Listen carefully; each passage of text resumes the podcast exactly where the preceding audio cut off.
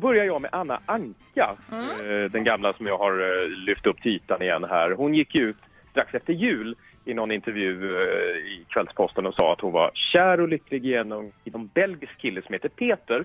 Men hon ville hålla honom lite hemlig sådär av olika anledningar som jag inte riktigt vet.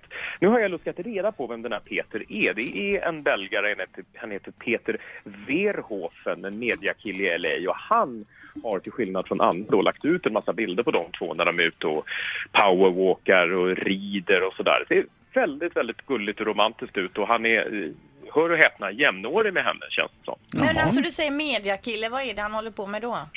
Ah, Han har något företag, jag försökte att luska ut det men jag fattar inte riktigt vad det är. Han hade någon Oscarsfest i samband med det förra söndagen, måndagen där.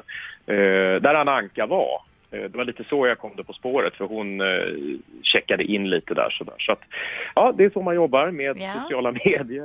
Eh, men hon bekräftade det för mig faktiskt att det är den Peter. Så att jag är, det här stämmer helt och hållet. Men det kan väl vara bra för henne för det känns som hon blir lite tilltufsad efter det här programmet. extremt, både programmet och hon har ju haft vårdnadstvister med Pola som fortfarande pågår vad jag förstår, vilket är jättetråkigt. Så Ja. att, ja, hon har fått sin beskärda del. Men nu verkar hon kär och lycklig igen, i Ja. alla fall. Det är bra. Eh, och eh, Martina Haag, den här pikanta historien, Erik Haag som aldrig verkar ta slut och kanske framförallt på grund av henne själv eftersom hon precis har gett ut den här boken, Det som inte stämmer. Ja. Eh, och den säger hon ju själv att ja, den är nog rätt påverkad utav hennes egna upplevelser. Det var jag som avslöjade att den här boken skulle komma och att den skulle handla om hela den här uppslitande skilsmässan. Nu har jag fått reda på att den här boken, den stämmer till punkt och pricka på alla punkter. Allt från de här kandelabrarna, nu har inte alla läst den här boken, men hon upptäcker en kandelaber eh, i deras sommarstuga som hon börjar undra varför står den där. Alltså alla detaljer och allting stämmer till punkt och pricka i boken, vilket är skrämmande. Jag har läst den själv. Ja, jag har också läst boken och att den, är- den är ju eh, den är ju ganska eh, tuff om man nu heter Erik Haag. Den är väldigt tuff om man heter Men Erik han Haag. var Den är så- alltså otrogen, det är det det går ut på? Den går ut på det och Mm. hon skriver inte runt någonting utan han håller på med ett tv-program och är otrogen med sin kvinnliga kollega i programmet. Mm. Ja, det, det finns inga omskrivningar alls men Nej. allting stämmer tydligen. Alla detaljer, allting. Och, det, och det är kanske därför han inte har velat kommentera boken. Nej, så är det säkert. Jag skulle också nog eh, ligga lågt. Ja, avböjt som det heter. Har man legat så får man ligga lågt, så är det Ja. riktigt. Ja. Exakt. Ja, Eh, nej, vi går vidare. jag- Ja. Och sen toppar jag med, med en klassiker. Eh, någon som har gjort någonting som jag aldrig skulle göra. Eh, och jag skulle göra det mest, höll jag på att säga.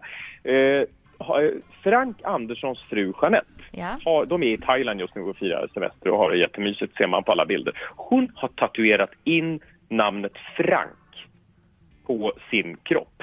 På, på sidan på bålen. Ja, på bålen. Ja, Ja, alltså, ja. ma- Midjan magen. där, typ. Midjan, ja. precis.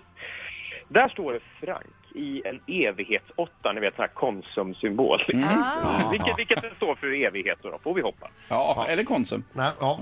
Eller men, Konsum. Ja. Men jag menar, ta dessutom kan ju bara förlänga med Frankfurt eller Frankenstein. Eller, det finns ju oändliga möjligheter. Frankerad kan Ja. du förstå. Ja. Mm. Ja, det finns många. Men du skulle aldrig skriva Frank på din kropp Hans? Nej. Jag skulle aldrig skriva Frank, eller någon annan eh, för den delen. Nej, Nej, nej. okej. Ett poddtips från Podplay.